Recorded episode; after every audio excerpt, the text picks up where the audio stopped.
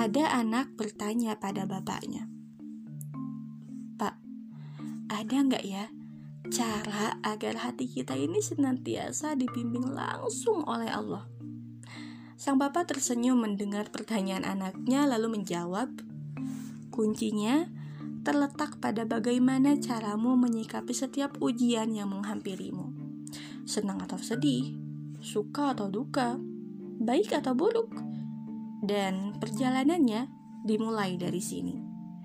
Sang bapak mengusap lembut dada anaknya sejenak, kemudian meneruskan, "Sejauh dan sedalam apa keyakinanmu bahwa Allah adalah pemilik segala sesuatu yang ada di alam semesta ini, termasuk dirimu dan semua yang ada padamu, termasuk semua yang ada di sekelilingmu, semuanya?"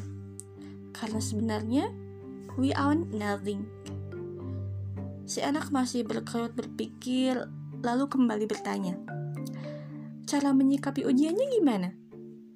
Sang bapak lalu menjawab, "Innalillahi wa inna ilaihi roji'un."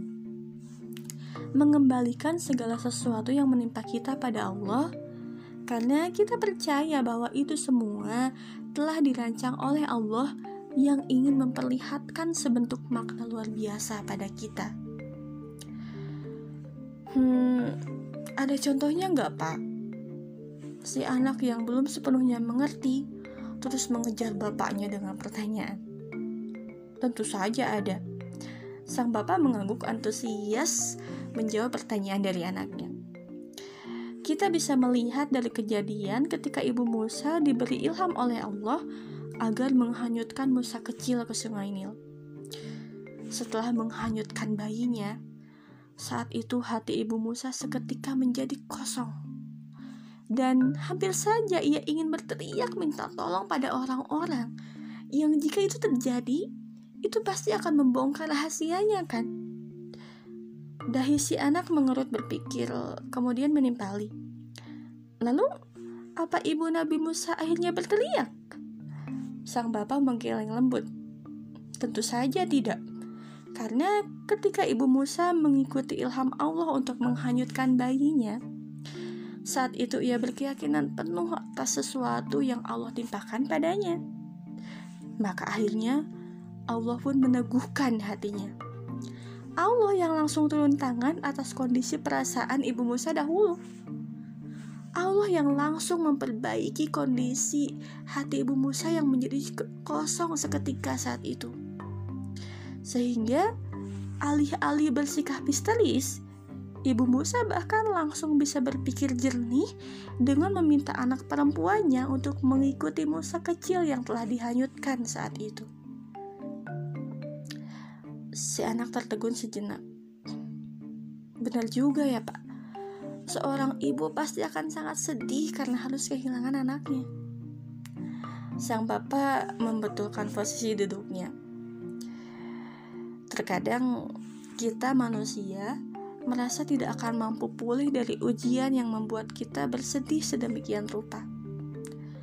Tapi kita lupa bahwa dengan iman, dengan mengembalikan ujian itu pada Allah, tidak sulit bagi Allah untuk memampukan kita, untuk memampukan manusia melalui semuanya. Terdengar si anak menghela nafas. Tapi itu sepertinya nggak mudah, Pak. Tawa ringan terurai dari suara sang bapak. Kan hadiahnya juga bimbingan hati yang langsung dari Allah, nak. Bukan sekadar hadiah kipas angin atau mobil mewah sekalipun. Sang bapak berujar gemas seraya mengusap puncak kepala anaknya. Oh, dan satu lagi Jangan sampai kita menjadi seperti orang yang berada di tepi jurang. Sa si anak yang mendengar perkataan bapak langsung berseloroh tanpa pikir panjang. Ya emang menakutkan kalau berdiri di tepi jurang. Kalau jatuh gimana pak? Nah itu dia, bahaya kan kalau sampai iman tergelincir? Kali ini si anak malah penasaran lagi. Ia lalu bertanya lagi. Loh, hubungannya sama iman gimana sih? Sang bapak tersenyum. Makanya, dengarkan dulu bapak sampai selesai. Sang bapak beringsut membenarkan posisi duduk lalu meneruskan. Jadi, ada tipe orang yang akan menyalahkan Allah ketika ia berada di posisi sedih, tapi ia malah akan menjadi puas sendiri dan bahkan lupa pada Allah ketika diberi kesenangan. Raut si anak ini mencerah mengerti setelah mendapat penjelasan dari bapaknya. Hmm, padahal apa pun yang diterima, semuanya datang dari Allah kan? Itu kan yang tadi bapak bilang? Sang bapak mengangguk. Kemudian menimpali, dan itu kenapa orang seperti itu diibaratkan seperti orang yang berada di tepi jurang. Karena orang seperti itu hanya akan beriman jika Islam membuatnya merasa nyaman. Maka orang seperti itu akan mudah untuk tergelincir. Bahu si anak kini bergidik ngeri. Kok itu menakutkan sih, Pak? Sang bapak mengangguk lagi, lalu menjawab, "Makanya pilihan ada di tangan kita."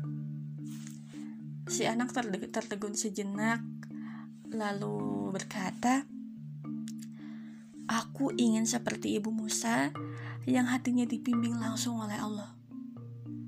Aku ingin seperti itu, Pak. Apa aku bisa?" Sang bapak tersenyum mendengar ucapan anaknya, lalu menimpali. Sekarang kamu sudah tahu kan kuncinya?